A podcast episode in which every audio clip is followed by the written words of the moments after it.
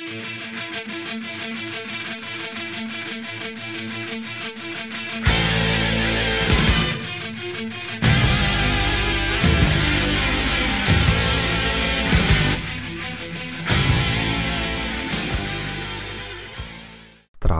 и добре дојдовте на нашиот подкаст Психологија и странски јазици.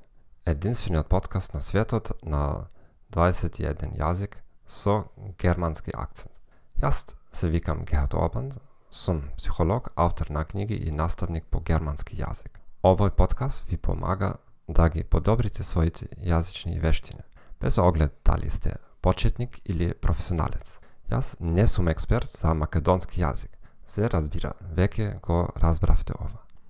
Бидете терпеливи со мене, но ветувам дека ќе се подобрам со секоја нова епизода. Ако го откривте овој подкаст само сега, најпрво проверете ги најновите епизоди. Квалитетот ќе биде многу подобар отколку во првите. Темата за денешната епизода е ова. Инвестицијска стапица во учењето на јазик. Се надевам дека не ја пропуштивте нашата последна епизода. Никој не треба да ви мотивира. Сите епизоди на подкаст можете да ги најдете во нашата архива. Ако сакате да го слушате овој подкаст на друг јазик, посетете ја нашата веб страница thegomethod.org podcasts thegomethod.org Macedonian.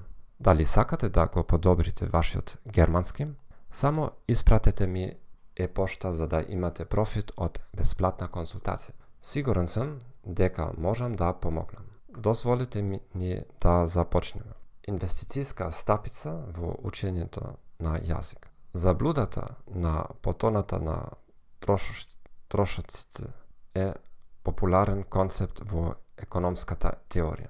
Замислете дека имате инвестирано веќе 90% од вашиот буџет на еден проект. Да речеме, сакате да изградите хотел, да отворите нов ресторант, да развивате нов производ. Имате уште 10% од вашиот буџет што треба да потрошите. Но добивате сигурни информации дека вашиот проект нема шанси да биде профитабелен. Што ќе направите со последните 10% од вашиот буџет? Многу луѓе ќе користат парите за да го завршат проектот. И покрај тоа, ова е многу ирационално. Порационално би било да се инвестираат парите во нешто друго. На овој начин, постои барем шанса да се користат парите профитабилно. Овој ефект е многу доминантен во учењето. Дозволите ми да го преведам ова во ситуација на јазици за на учење за јазици. Студент започна да учи јазик како што тој или да сака. Тој има апликација или книга за вежби. Тој завршува секој ден визуелни вежби за граматика. После повеќе од една година, тој сваќа дека не може да зборува, дека се чувствува блокиран во секој разговор. Што ќе прави студентот? Најверојатно, тој ќе продолжи да учи поинтенсивно, со истите алатки. Или тој ќе побара од својот учител да му даде други вежби или попривлечен аплика... попривлечни апликации. По втората година, тој се чувствува фрустриран од неговите комуникацијски вештини. Тој започнува да бара нови наставници преку интернет. Што ќе бара тој? Тој ќе бара учител кој има убави видеа каде што ја објаснува граматиката. Ученикот го сака тоа затоа што може да прочита се што објаснува наставникот. После три години, тој се уште е фрустриран. Сепак, тој се сркјава со учител што му сугерира да учи јазици уво, што предлага да се ослободите од визуалните материјали и да започнете да учите само акустично, само со уво. Од моето лично искуство, повеќето студенти ќе го кажат следново. Јас не сум тип што треба да учам преку уво.